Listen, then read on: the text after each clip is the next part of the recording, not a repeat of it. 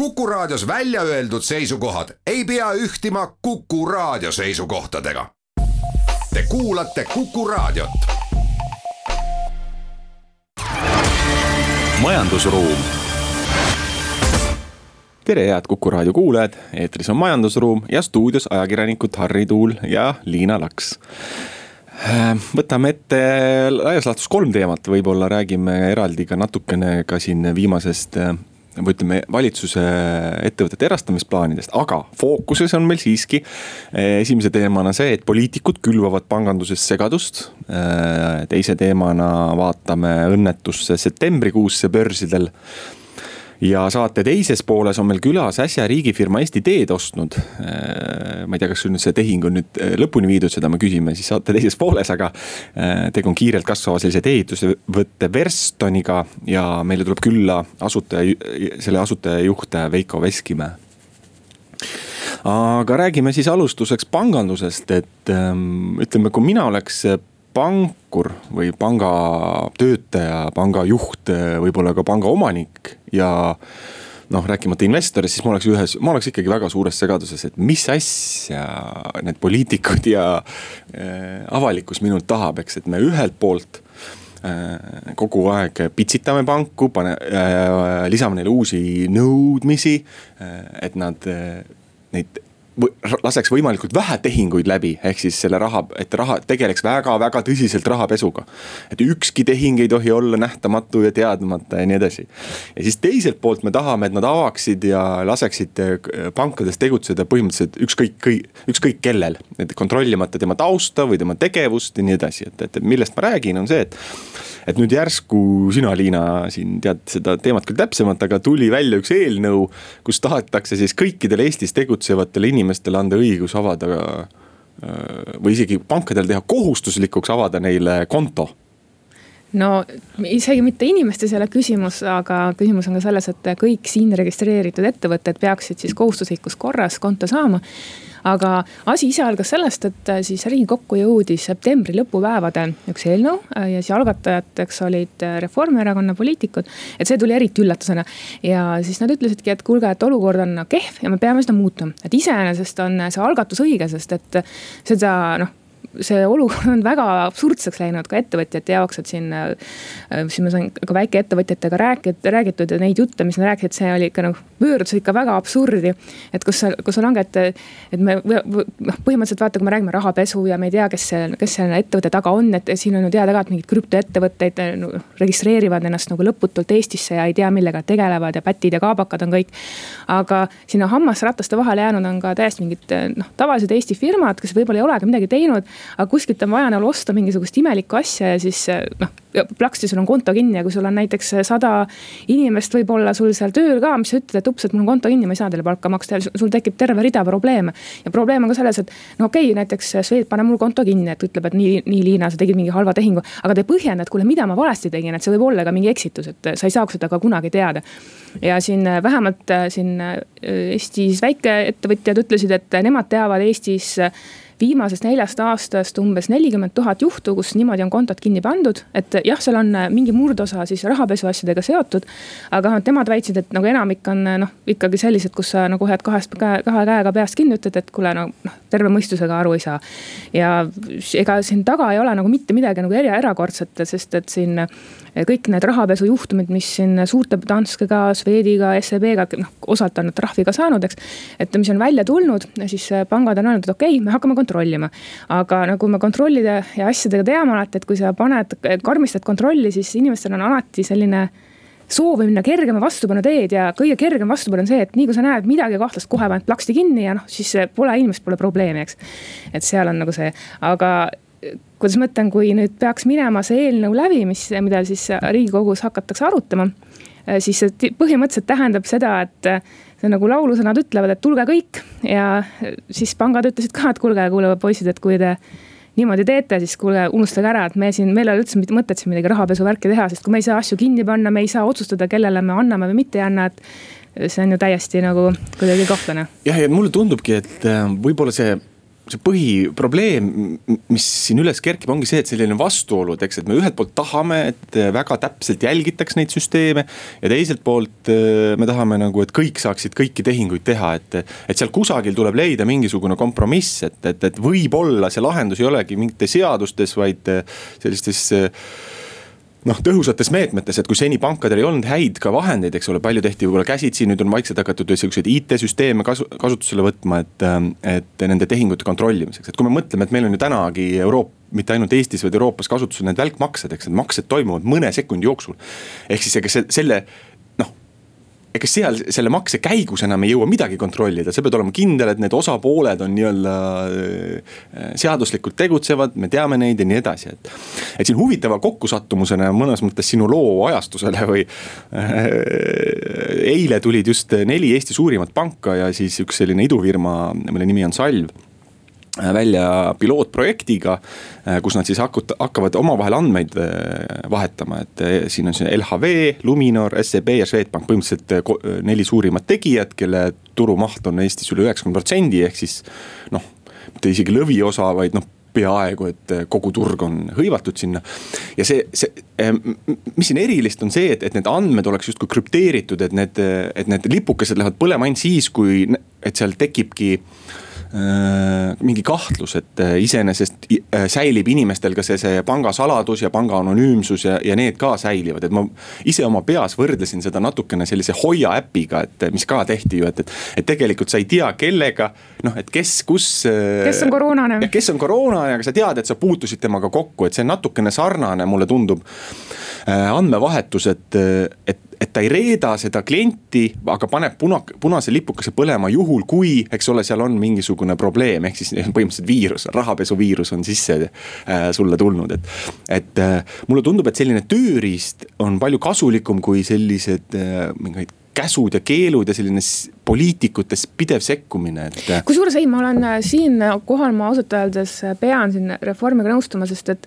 vaata, asi on selles, et äh, noh, tavainimesele nüüd viimastel aastatel need rahapesu asjad on noh, pangad nii hellaks teinud. et sul ei ole enam võimalik täiesti normaalset pangateenust saada. ma võiksin vilistada selle pangateenusele, kui see ei oleks nagu noh, nii-öelda nagu elutähtis, et kui sa lähed teise riiki näiteks tööle. sa ei saa pangakontot, mis teed, kus sa ütled siis, et palun maksa mulle sulas siis tööandjale. et nagu sellised asjad on ju jaburad. noh, see probleem on selles mõttes noh, nii ja naa, et see probleem on olnud juba varem, näiteks eh, eelkõige see puudutabki näiteks tehnoloogia idufirma sektorit ja siis see lahendus oli selline, et tegelikult Eestis firma asutamiseks ei pea olema Eestis pangakonto vaid sul võib olla ka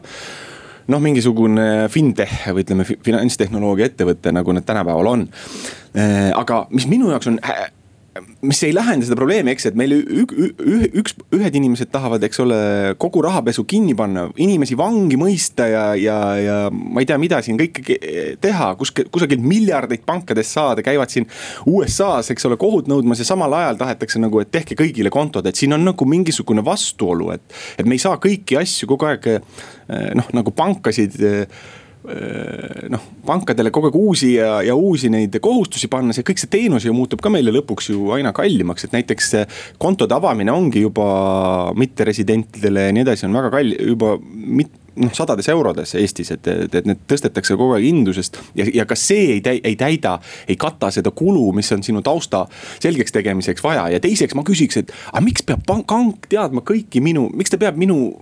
noh, nii sügavuti minu tehingutesse minema. et kas see, see, kas see ei ole natuke ebanormaalne, see oleks nagu mingisugune noh, riik riigis noh ja sellega ma olen nõus, et see ei ole ju tegelikult panga asi, kes seal on, et kui ütleme niimoodi, et no see, kes tahab teada, see otsigu ise, ehk siis kui nagu riigil on huvi panna inimesed kinni siis ja no rahapesuga tegeleda, siis noh, ta peab leidma, noh siin on teised õiguskaitseorganid, kes võiksid sellega teha. et eks sellega käib ka võib-olla kaasas äh, see asi, mis siin vahepeal siit riigieelarve asjast tuli välja, et äh, tõstetakse siis äh, rahapesubüroo rahandusministeeriumi juurde ja siis antakse talle vist, kui ma ei eksi, kolm miljonit aastas, et nüüd hakka tegelema selle pesuga kas sellest nüüd piisab või ei, seda ei tea, aga no tegelikult ettevõtjad ütlesid ka, et noh, nemad ka ei, noh, ei ole nagu rahapesuga nõus. aga keegi teine võiks seda teha, sest et praegu on lihtsalt pankade niimoodi nagu see süsteem hetkel toimib, et pank, sina pead kontrollima, siis lihtsalt pangal on odavam öelda, et kuule, et ma ei teinud sind, Liina, noh, sa oled mulle liiga kulukas, ma ei jõua vaadata, kui. et kui sa eriti näiteks, kui äh, tänapäeval inimesed liiguvad, sa oled vahepeal näiteks töötanud, äh, ma ei tea, kümnes erinevas riigis, sul on kontod erinevas riigis, kuni sa sealt kõik need päringud välja saad, no enne sul läheb issanda päike looja, et see on nagu täiesti nagu arusaadav. aga nii, no sellepärast ma ütlen ka, et see on väga hea, et praegu see Salv tuli asjaga välja, et testime ära. et võib-olla see ongi lahendus, et kontot saab, aga noh, kuskilt läheb kontroll, et tehniline, tehnika on olemas. teeme väikese pausi. majandusruum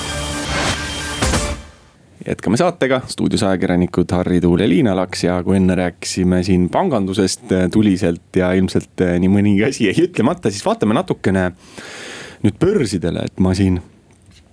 sina, Liina, oled selle teemaga eriti hästi kursis, aga ma siin vaatan, et täna tuli siis lõpuks börsile ka Eesti investoritele palju huvi pakkunud siis Ignitis ehk siis Leedu ja ilmselt praegu Baltimaade suurim börsil olev ettevõte ja Leedu suurim siis energiaettevõte, riiklik nüüd siis poolriiklik või noh, ühesõnaga osaliselt ka börsil olev äh, firma, et vaatan, et esimene algus pole olnud kuigi hea, et äh, kui siis IPO hinnaks kujunes kakskümmend kaks koma viis eurot aktsia eest, siis see praeguseks on see no mis praeguseks, sihukese tunni, tunni pooleteise jooksul esim-, ava, ava, on ta langenud äh, siis kahekümne kahe koma üheksa sendini aga sina, Liina, panid tähele, et september ei olnud just börsidel kõige õnnelikum äh, kuu, et äh, no põhimõtteliselt niimoodi oli, sest äh, tegelikult terve suve noh, võib nagu tinglikult öelda, tegelikult alates märtsi põhjast, ega kõik, kes börsilt ilm, nagu eemale jäid siis ütleme eriti, kes tehnoloogia aktsiatest eemale jäid, et need tõenäoliselt kibedalt, kibedalt kahetsesid. aga siis september tõi jälle kahjurõõmu, sest et siis hakkasid tehnoloogia aktsiad siis langema veidi. ja mis seal oli, oligi see, et noh, tegelikult no probleem oli ju ka selles, et tegelikult terve aasta on räägitud, et need aktsiad, mitte see aasta, vaid ikka pikalt on räägitud, et need aktsiad on kallid ja kuhugi ei tea, mida panna ja. ja siis äh, lihtsalt hakati need vaikselt seal otsast maha müüma, aga tegelikult septembri lõpp ei olnudki nagu nii hull, et SB viiesaja indeksis, mida kõik jälgivad ja ütlevad selle järgi, et kas oli hea või halb kuu siis börsidel. mis on tegelikult väga selline ütleme petukas, sellepärast et kümme suuremat aktsiat seal annavad ikka väga kõva protsendi, et nagu need, mida need teevad, siis noh, teevad teised nagu järgi. igatahes SB viissada indeks langes septembris, aga äh, kui sa vaatad tervet kvartalit, siis äh, see oli ikka päris kõvasti püsti, et seal oli vist üle viie protsendi oli seda tõusu. ja see on ikkagi väga kõva sõna, sest teinekord isegi terve aastaga ei suudeta noh, seda teha. ja aasta algusest äh, vaadates noh, kus on vahele tõesti jäänud see tohutu märtsikuine kukkumine siis ikkagi on aktsiaturud tänaseks taastunud. ja augustis tegelikult tehti ka seal SB viiesaja kõigi aegade rekord, siis jõudis indeks seal kõrgele. aga ega tegelikult see, mida seal on, et ega aktsiad ei ole vennad, eks. kõige halvemini läks nendel, kes panid oma raha siis ähm, energiasektorisse, et see nafta hind ei ole taastunud, kuigi terve iga jumala päev on finantsmeedia siis seda juttu täis, et jaa, nüüd hakkab taastuma, oi, siin tuleb stiimulit, oi, siin nõudlus taastub. tegelikult on niimoodi, et äh, siin USA analüüsimajad ütlesid tegelikult, et energiasektori aktsiad kaotasid äh, siin aastaga pluss-miinus äh, noh, umbes poole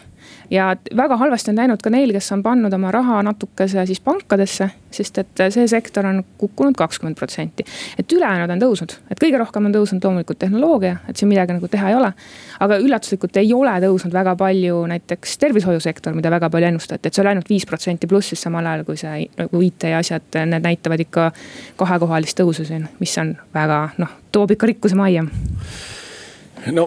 ma ütlen ausalt, et äh, sügisesest või selle sügisesest ikka kevadisest sellest kukkumisest ma sain hästi aru, et äh, noh, tekkis paanika, šokk majandusele äh,. ja ka see ju kasv börsidel oli olnud ju põhimõtteliselt juba peaaegu kümmekond aastat lõputult ilma igasugusete tagasi kutsu-, tagasi kukkumiseta ja, ja aga nüüd äh, on ju sisuliselt äh, paljud noh, börsid on tagasi tulnud ja isegi noh, püstitavad siin uusi rekordeid ja, ja samal ajal meie siin tihtilugu ka selles saates räägime sellest, et majandus, võib-olla majanduse sellised tagasilöögid on alles tulemas, et no kus see, kus see loogika ikkagi sinu meelest on või kuidas sulle see paistab? No jätkuvalt on tegelikult see, et noh, mida ma olen öelnud see on ainult minu teooria, et see on tõenäoliselt majandusinimesed ütlevad, et ei ole nii hull. aga see on ikkagi noh, tõenäoliselt see inimeste hirm, et sa jääd headest asjadest ilma, see pannakse sisse, pluss on see, et sul ei ole tegelikult, võib-olla börsiaktsiatega võrreldes väga palju häid alternatiive, et pärast viimast finantskriisi oli ju see, et sul hoius noh, põhimõtteliselt muutus maailma kõige mõttetumaks asjaks üldse maailmas. sest sa ei saanud mingit protsenti mm -hmm. ja no mis sa hing teed siis kuskile sa pead selle raha ju panema, eks. et ega investeerida nagu eriti no, võib-olla ei viitsi oma ettevõtet ehitada ei viitsi, no siis ostad seal aktsiat. aga muidu septembrikuine kukkumine, seda selgitatakse ka sellega, et see on ajalooliselt olnud väidetavalt üks halvemaid kuid Äh, siis äh, börsidel, et siin äh, statistikad on öelnud, et noh, siis teda tavaliselt see börs ka veidi langeb, et siis pärast seda suvist eufooriat, kus keegi ei ole viitsinud eriti asjadega tegeleda, sest kõik puhkavad. tulevad, tullakse siis tagasi ja vaadatakse, et oi-oi, siin on asjad tõusnud, peaks kähku maha müüma. ja siis pärast tullakse tagasi, aga muidu, mis siin hakkab juhtuma, et noh, mis on olnud, on olnud, aga mis nüüd hakkab tulema. on niimoodi, et ma vaatasin siin neljanda kvartali siis, kuidas ma ütlen, sellist väikest diiserit, mida siis finantsmeedia on öelnud. ja üldiselt kolmas kvartal kokkuvõttes öeldi, et noh oli nagu enam-vähem, äh, siis äh, neljandega nagu ollakse natukene ettevaatlikud. aga öeldakse, et äh, turgudel on väga palju kõikumist, et siis, kes, kellele meeldib seda aktsiatega siis tõenäoliselt spekuleerida, et noh, neil on head ajad, siis tulevad näiteks USA presidendivalimised. siin on muidugi vaadata, et kas Trump nagu üldse ellu jääb ja mis temast saab ja kes siis võidab. aga siin on, samas on niimoodi, et kui me räägime nagu reaalmajandusest, siis töötuse numbrid ei ole läinud paremaks, pigem ennustatakse, et lähevad siin aasta lõpuks veel halvemaks igal pool et Ameerikas äh, nagunii, aga noh, Euroopa, Eesti samad asjad.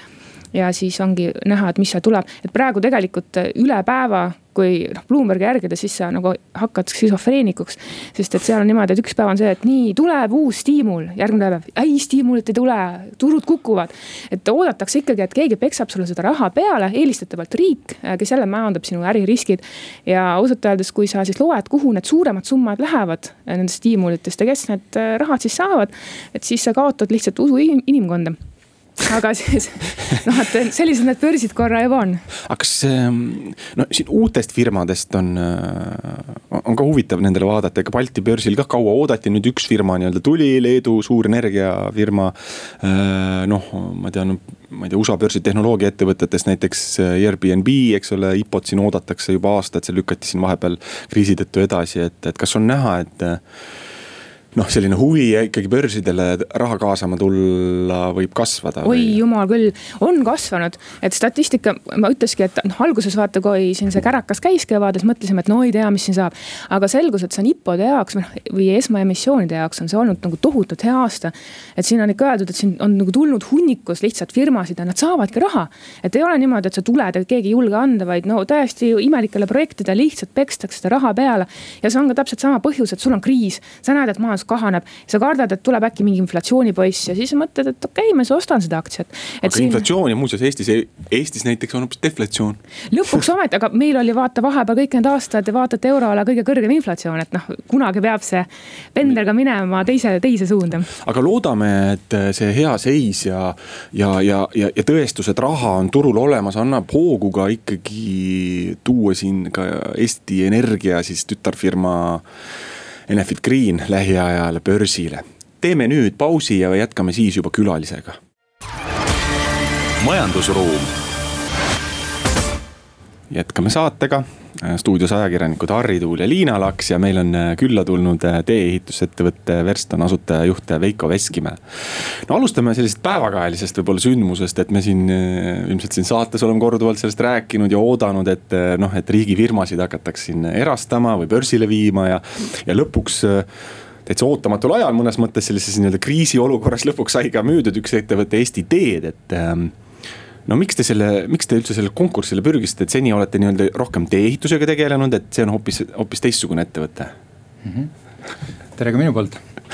et äh, selle Eesti Teede erastamisel äh, osalemise otsus tõesti oli tingitud sellest, et see tegelikult on olnud meie ettevõttel sihukene strateegiline huvi juba, juba mõned aastad tagasi Eh, oleme seda olukorda jälginud ja, ja, ja noh, miks võib-olla peamiselt, et kui see turgu ter-, ütleme, et laiemalt vaadata, siis ega suurematel teedeehitusettevõtetel on kõigil ka hooldeosa. ja miks siis, siis seal on teatud sünergiat seal vahel võimalik tekitada, et kui teedehooldusettevõttel on peamine tegevus on talvel ja, ja, ja ütleme, et siis nende edukus paljuski sõltub sellest, et kuidas nad suudavad enda masinaid, inimesi suvel töös hoida, siis teedeehitusettevõttel valdavalt on teistpidi. et sihukene aktiivne ehitustsükkel on varakevadist eh, võib-olla seal eh, hilissügiseni, jõuludeni. ja, ja noh, siis on samamoodi, et, et see edukus paljuski sõltub sellest, et mis sa masinate ja, ja inimestega talvel teed. et kuna need on sihukesed kontratsüklilised tegevused, siis seal on võimalik eh, kindlasti sünergiaid vahel leida ja, ja noh, sellest tulenevalt tundus meile nagu loogiline areng sellesse sektorisse ka siseneda no see konkurents sellele firmale ostmiseks oli üsnagi kõrvalt vaadates vähemalt tihe, et siin lausa viis firmat tegid pakkumise, et isegi tuntumatest võib-olla ettevõtjatest siin Urmas Sõõrumaa firma ja, ja Eesti Keskkonnateenused siin ähm, et äh, kuidas, kuidas see hinnas, hinna pakkumine, kuidas teie seda firmat enda jaoks nagu hinnastasite, et, et teil oli. noh, siin erinevus on, ütleme paar miljonit on hinnas, et kui teie mm -hmm. pakkusite seal üheksateist koma seitse miljonit, siis kõige madalam pakkumine või kõige kehvem riigi poolt vaadates või maksumaksja poolt. seitseteist koma neli, et mm. -hmm no ma arvan, et, et selle hinna suureski määras äh, ikkagi äh, see, et äh, millist perspektiivi sellel ettevõttel see pakkuja nägi. et, et võib-olla mõned ettevõtjad nägid seal sihukest valmis ettevõtet ja finantsinvesteeringuna seda. ja, ja, ja mõned võib-olla olid omad mingid plaanid sellega, et noh, seal on teada, et seal oli ju. osales näiteks üks suur prügiettevõte, kes on ka küll natukene hoolduses sees, et võib-olla nendel oli mingi sihuke oma nägemus. meil oli kindlasti oma nägemus ja arusaamine, et, et milliseid sünergiaid ja võimalusi meie ettevõtetele nii-öelda edasi pakub, et, et ma usun, et see oli nagu peamine argument tegelikult selle hinna, hinna siis tekkimisel, et aga kuidas üldse selle tee-ehituse turul või äh, seis on, et äh, tundub nagu konkurents on väga äh, tihe, et mingid tegijad on juba aastaid siin ees, aga samas äh, ikkagi ka uued tulevad, mis on noh, alati hea jah, tõesti, et äh, ei, ei saa öelda, et ei oleks konkurentsitihe ala, et on tõesti äh, väga konkurentsitihe ala, et, et äh, eks tervikuna nagu ikka on igas sektoris, et on palju või on mõned siuksed suured ettevõtted siis on äh, väga üksikud siuksed võib-olla medium size ettevõtted ja siis on hulga väiksemaid ettevõtteid. et äh, me oleme võib-olla teedeehitussektoris just üks sihuke unikaalne ettevõte, kes on siis äh, sisuliselt nullist siis kasvanud täna juba suureks ettevõtteks, mis ei ole väga tavapärane selles sektoris olnud. ja noh, peamiselt ei ole ta olnud sellepärast, et eks see sektor on hästi kapitalimahukas, ta on väga kogemust, ütleme suurt kogemust nõudev ala ja, ja, ja selle sihukene jätkus jätkusuutliku mudeli ülesehitamine on hästi aja ja, ja töömahukas, et, et aga, aga jah, ma arvan, et, et tervik on nagu igas sektoris, et, et ähm, kui väga tahta, siis on, siis on siiski võimalik aga kapitalimahukas ütlesite, et noh, et kuidas seda kapitali üldse nagu saada, kaasata. noh, kasvõi selle ostu puhul, eks ole, et kusagilt on vaja kakskümmend miljonit justkui leida mm. -hmm noh, ega kapital selles mõttes on ju maailmas äh, nii nagu nii nagu oma ala inimesed ikkagi ütlevad, et ega kapitalism maailmast ei ole otsa lõppenud, et see kapital on äh, maailmas olemas, et äh, kui sul on piisavalt hea äriprojekt, siis, siis on sinna ka finantseeringut võimalik kaasata. et noh, loomulikult on seal alati sellistel puhkudel on üks osa oma, oma finantseeringu vajadus ja, ja, ja siis erinevate finantspartnerite siis kaasamine selle tehingu struktureerimisse, et ühes intervjuus, mis ma lugesin vist Eesti Ekspressist, äh, ütlesite, et noh, et alguses, kui kasvamisfaasis, eks ole, on vaja selliseid referentse saada ja võita mingisuguseid häid ja selliseid, kuidas ma ütlen, et äh, noh, nähtavaid projekte, et kas sel juhul tuleb ka nagu hin-, hinnaga natukene konkurentidele noh, koht, nii-öelda koht kätte näidata või mängida? Noh, eks sellesse kasvufaasi jääb hästi erinevaid tegelikult äh, äh, ajahetki ja, ja, ja siis äh, äh ka võib-olla neid fookuseid. et ma arvan, seda kasvufaasi tervikuna alati iseloomustab see, et, et ettevõte on kogu aeg pidevalt muutuses. et sinu ärimudel pidevalt muutub, sinu vajadused muutuvad, inimesed muutuvad Äh, kompetentside vajadus muutub, kõik see. et, et kindlasti mingil ajahetkel ka võib-olla tuleb mõni töö võtta natukene teadlikult ka madalama hinnaga sisse selleks, et, et seda kasvu aidata nii-öelda teha. Ja, ja tõesti siis vastavad referentsid ja võimekused kõik üles ehitada. aga seda kindlasti ei ole mõtet teha sel juhul, kui ei ole sihukest pikemaajalist perspektiivi, et, et selle, selle õigustus saab olla ainult see, et et sul on sihukene pikemaajaline kasvustrateegia ja, ja, ja selle, selle siis ühe vahendina tõesti teinekord äh, kasutatakse ka seda, et, et teatud tüüpi objekte võib-olla hinnastatakse natukene madalamalt, kui on eeldus, et, et konkurendid hinnastavad. et aga veel kord, see ei ole väga jätkusuutlik tegevus, äh, aga, aga mingite objektide puhul tõesti on seda võimalik teha kaua teil siin Eestis aega võttis, et saada kõik need referentsid kätte ja ütlesite, et noh, nüüd te olete tegija? no toome lihtsalt näite, noh Reidi tee, eks ole, kindlasti kõigile, nüüd see Tartu maanteel äh, vist ka see uuem lõik ja, ja jah, et oleme tõesti viimastel aastatel suuri projekte ehitanud, et eks ta, eks ta täpselt nii kaua võttiski. et ütleme, et eh, kui meil täna või, või sel aastal nüüd kevadel täitus siin ettevõttel kümme aastat siis eh, noh, võiks öelda, et siukseid suuremaid infraobjekte peatöövõtjana oleme ehitanud võib-olla seal viimased kolm-neli aastat kuskil seal, muidu me oleme neid ka teinud partneritega varasemalt koos. ja loomulikult meie ettevõtet muidugi iseloomustab see, et, et nii mina ise kui, kui mitmed meie sihukese ettevõtte algusest peale olnud inimesed on tegelikult varasemalt siis töötanud tegelikult erinevates Eesti suuremates infraehituse siis ettevõtetes ja, ja tegelikult seda kogemust siis nende suurte projektide vedamisel ja elluviimisel ka omanud on, et no kuidas te inimesi leiate, et kas te otsite neid ise või nad tulevad teie juurde või kuidas? Äh, ütleme niimoodi, et, et me üldiselt äh, oleme palju panustanud sellele esimesest päevast peale, et neid inimesi ise kasvatada. Ehk, ehk tõesti neid juba tuua enda ettevõttesse, kas siis koolipingist või, või siis värskelt koolist võib-olla juba, juba ütleme siis kooli sisenedes või siis kooli lõpetades insenere ja, ja oleme neid pigem ise proovinud kasvatada, aga loomulikult on, on meiega liitunud ka teisi inimesi ja, ja noh, eks seal on nagu erinevaid lugusid, aga valdavalt on, on olnud Verston selline ettevõte turul, kuhu on tahetud tööle tulla, et selles mõttes on meil hästi olnud. võib-olla kuulajale selgituseks, ega ma ka täpselt ei tea, et noh, et enamus noh, tavaarusaamas, et enamus teid ehitavad, eks ole, kas riik või omavalitsused, kas on ka mingisuguseid eraobjekte üldse olemas selles valdkonnas? on ikka, et, et aga noh, nad kindlasti mahult on pigem nagu väiksemad. et ma arvan, et tervikuna sihukene kaheksakümmend protsenti selle sektori äh, töödest on ikkagi riigi tellimusel ja, ja sinna juurde siis lisandub kindlasti igasugust kinnisvaraarenduste, tootmisettevõtete platsid, äh, juurdepääsuteed ja kõik see, see pool. et äh, aga valdavalt on ikkagi nagu riigi, riigi tellimus seal aga kuidas selle tellimusega, noh, kümmekond aastat olete jälginud, et siin, ma ei tea, aegade, aegu tagasi oli see põhikriitika oli nende just hangete osas see, et eks ole, hind on. et vaadatakse ainult hinda ja hinda, et kas see kuidagi on muutunud, et äh,? ütleme, et, et pigem ei ole. Et tõesti, et valdav kriteerium enamus hangete puhul on jätkuvalt ikkagi hind. Äh, on küll võib-olla mõni, mõningaid hankeid, äh, üksikuid hankeid, kus on ka mingeid muid kriteeriumeid äh, vaadatakse, aga, aga tervikuna ikkagi ütleme, et pigem ma arvan, sihuke üheksakümmend üheksa protsenti hangetest on see, kus on ikkagi pigem hind ainuke nagu määrav aspekt. Aga kas me võiks noh, vähemalt arutada selle üle, et me ei ehita mitte odavaid teid, vaid, vaid häid teid absoluutselt, et, et ma arvan, et tervikuna muidugi ehitatakse, ehitab riik ka täna häid teid et, et meil on väga kaasaegsed tehnoloogiad kasutusel. meil on pikaaegne kogemus olemas, ma arvan, me tegelikult teeme, teeme tervikuna teedesektoris pigem nagu head tööd. aga aga kas võiks olla seal ka muid motivatsioone peale selle hinna, ma usun, et võiks olla. ja pigem võib-olla see on, see on tellijatel nagu mõtlemiskoht, et, et võib-olla selle nõutus parema töö tegemine võiks olla siis veel premeeritud äh, nagu omakorda siis tellija poolt töövõtjale. ehk toon näite, et, et tellija siin, maanteeamet on mõned aastad tagasi siin siis hakkas töövõtjaid motiveerima sihukese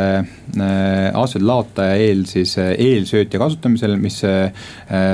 parandab kindlasti asfalteerimise tööde kvaliteeti ja, ja, ja noh,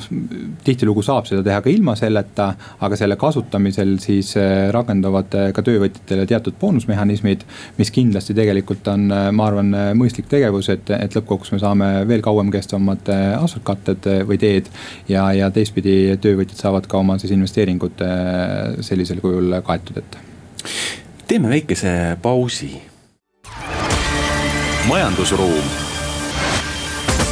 oleme tagasi stuudios ajakirjanikud Harri Tuul ja Liina Laks ja meil on külas ehitusettevõtte Verston asutajajuht Veiko Veskimäe, et. no mis, mis tuuled üldse puhuvad seal tee-ehituse või üldse ehitusturul, et on seal mingit kriisihõngu ka juba tunda või? noh ehitusseisust, kui rääkida, peab kindlasti rääkima nagu kahest erasektorist, üks on hoonete ehitus, teine on siis taristu pool et, et kui hoonete ehitus on kindlasti sihukene mõnes mõttes nagu suurem sektor ja, ja seal on võib-olla siukseid erinevaid tellijaid on ka oluliselt rohkem, siis teedeehituse poole peal on ta, on ta mõnes mõttes sihuke natuke nišisektor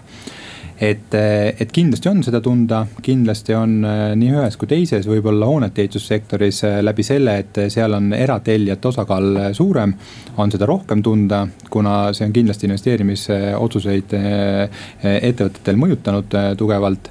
siis eh, teedeehituses, kus valdav tellija on riik, võib-olla on natukene stabiilsust rohkem. aga, aga eks seal on sihukest eh, poliitilist tõmbetuult on jällegi selle võrra rohkem, et, et ütleme, et kindlasti on tunda, aga, aga ilmselt eh, jah, hoonete ehitussektoris võib-olla natuke rohkem jah kas te seal ettevõttega ikkagi plaanite sinna tee-ehitussektorisse jäädagi või kunagi ka midagi mujale, kuhugi mujale vaadata? absoluutselt, et, et kuna meie sihuke Äh, süda ja, ja hing kuulub sellele taristuehituse valdkonda ja see on meile väga põnev äh, valdkond, siis, äh, siis mida me oleme ka koolis kõik, kõik insenerid on nii õppinud, siis, siis kuna ta on meile südamelähedane teema, siis me kindlasti näeme seda nii-öelda pikaajalise nagu tegevusena aga kas teie ehitus on üldse selline rahvusvaheline äri või ikkagi pigem kohalik, kus kohalikud firmad löövad läbi? Valdavalt ikkagi maailma mõõtmes samamoodi on ta ikkagi kohalik äri, et, et loomulikult äh, kapitalil äh, tihtilugu ei ole rahvust, et, et palju ka Eesti suuremaid ettevõtteid on tegelikult nii-öelda siis välisinvestorite omanduses, aga, aga valdavalt selle ehitustegevuse teevad koha peal ikkagi ära kohalikud inimesed, et, et noh, see ei ole väga mõttekas siit inimesi viia, ma ei tea, Prantsusmaale võib-olla teid ehitama, et, et on nendel olemas kohapeal spetsialistid ja ressursid selleks ja, ja valdavalt see on jah, lokaalne äri aga ma saan aru, et teil on üks äh, selline teine selline äh, nii-öelda rahvusvahelist just ma, äh, turgu sihtiv võimalik äh,, selline idufirma Infrafly. mis, millega see tegeleb? Infrafly siis äh, tegeleb põllumajanduse kõrval teise kõige rohkem, kõige vähem digitaliseeritud ala ehk siis ehituse digitaliseerimisega et eh, kuna me oleme ise selles eh, sektoris siis eh, ka e-, ehitusettevõtjatena sees, siis ühel hetkel meile tundus, et me tegelikult noorte meestena võiksime ka sinna anda siis oma, oma sihukese panuse ja, ja tõesti sai alguse sihuke projekt nagu Infrafly mida me tänaseks siis kaks pool aastat oleme teinud ja, ja, ja noh, nüüd ütleme, et tavalise startup'i kombel on olnud see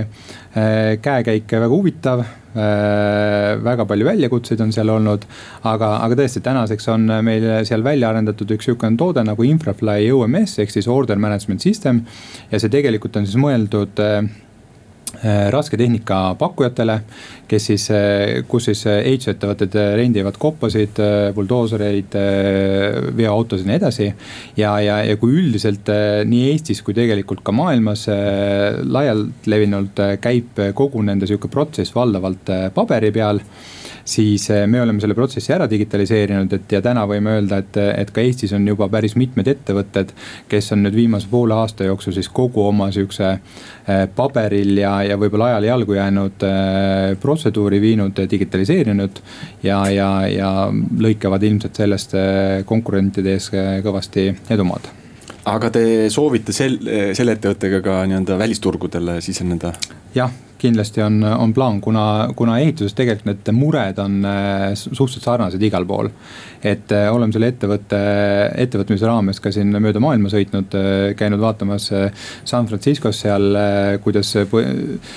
utreeritult Steve Jobsi maja kõrvale ehitatakse teed ja, ja see samamoodi käib kõik mõnes mõttes nagu paberi peal ja, ja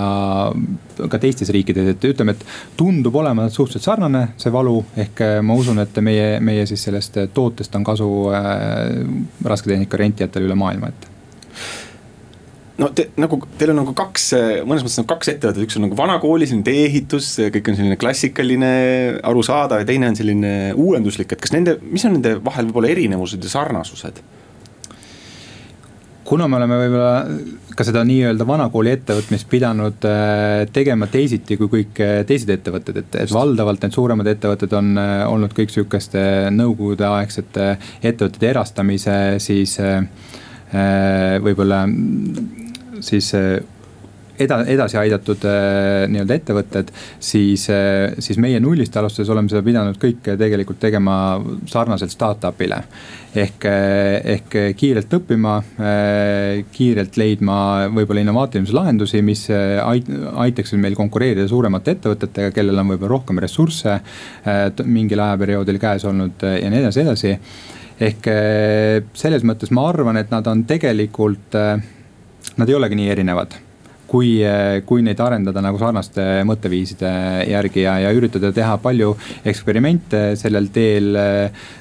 saada aru tegelikult, kes on su klient, mis on ta vajadused, mis on su ettevõtte tugevused, kuidas näha seal erinevaid mustreid selles tegevuses sees, et ma arvan, tegelikult nad on sarnasemad, kui, kui kaugelt võib-olla tundub üks küsimus, mida ei saa ka küsimata jätta, et noh, teie noh, üks, teil on ka üks selline nii-öelda, ma ei teagi, kas ta on investor või on, lööb ka sellises ettevõttes kaasa, on Ragnar Klavan, väga tuntud Eesti jalgpallur, võib-olla kõige tuntum üldse ja kõige edukam, et. kuidas te tema pardale saate ja mis ta roll on? ega noh, Ragnar Klavani roll eh, selles ettevõttes on eh, tavapärane finantsinvestori roll, et, et ühel hetkel me nägime, et on arenguks vaja kaasata lisakapitali ja, ja, ja pakkusime Ragnarile selle projekti välja, talle tundus see huvitav ja, ja nii, nii ta ka tuli, et igapäevast ta kindlasti ei ole kuidagi selle ettevõttega seotud, aga. aga me oleme ühtlasi ka sõbrad temaga, ehk selles mõttes on ta kindlasti ettevõtte käekäiguga hästi kursis ja, ja ma usun, et, et ta on hea investeeringu teinud aga mis te siis praegu plaanite, et tahate siin veel kasvada või, otsite veel lisainvestoreid, otsite veel mingeid põnevaid inimesi pardale? Eks meil mõtteid on äh, mitmeid, et, et kindlasti äh, juba selle ettevõtte, ütleme siis verstoni ehituse alustades oli meie plaan kindlasti äh, teha äh, head korralikku äh, siis taristuehituse ettevõtet äh,, kasvada üheks turuliidriks. Meid kindlasti kütkestavad igasugused rohetehnoloogiad, kaasaegsed võib-olla sihukesed innovatsiooniprojektid digitaliseerimine. ehk me näeme kindlasti võimalust selles nii-öelda vanas äris tegelikult kasutada siukseid äh, võib-olla uuenduslikke meetodeid ja, ja seda sellisel kujul seda ressursside mahukat ettevõtmist tegelikult muuta keskkonnasõbralikumaks ja, ja pakkuda selle läbi veel paremat ja efektiivset teenust, et selles mõttes kindlasti on meil plaan edasi arenenud jah. no lõpetuseks ma ei saa küsimata jätta, et ehitus, tee-ehituse spetsialistilt muidugi võib-olla ka kallutatud vastus, aga ikkagi, et kas Eestis eh, lühidalt vastust, et eh, kas Eestis võiks olla need neljarealised teed või piisaks ka sellisest kolmerealistest lahendustest, nagu mujal maailmas on? Ma arvan, et äh, see, et riik plaanib teha kolmel suunal neljarealise teed, on hea plaan. Äh, see kindlasti aitab äh, regionaalses mõttes ettevõtetel kasvada ja, ja, ja ma usun, et kuna Eesti on, on nii väike riik, siis, siis need kolmel suunal neljarealised teed ei ole kindlasti kuidagi ülepaisutatud, ma arvan, et see on mõistlik teha. Aitäh, meil oli külas tee-ehitusettevõtte Verston asutajajuht Veiko Veskimäe, stuudios olid ajakirjanikud Harri Tuul ja Liina Laks, kohtumiseni majandusruumis järgmisel nädalal majandusruum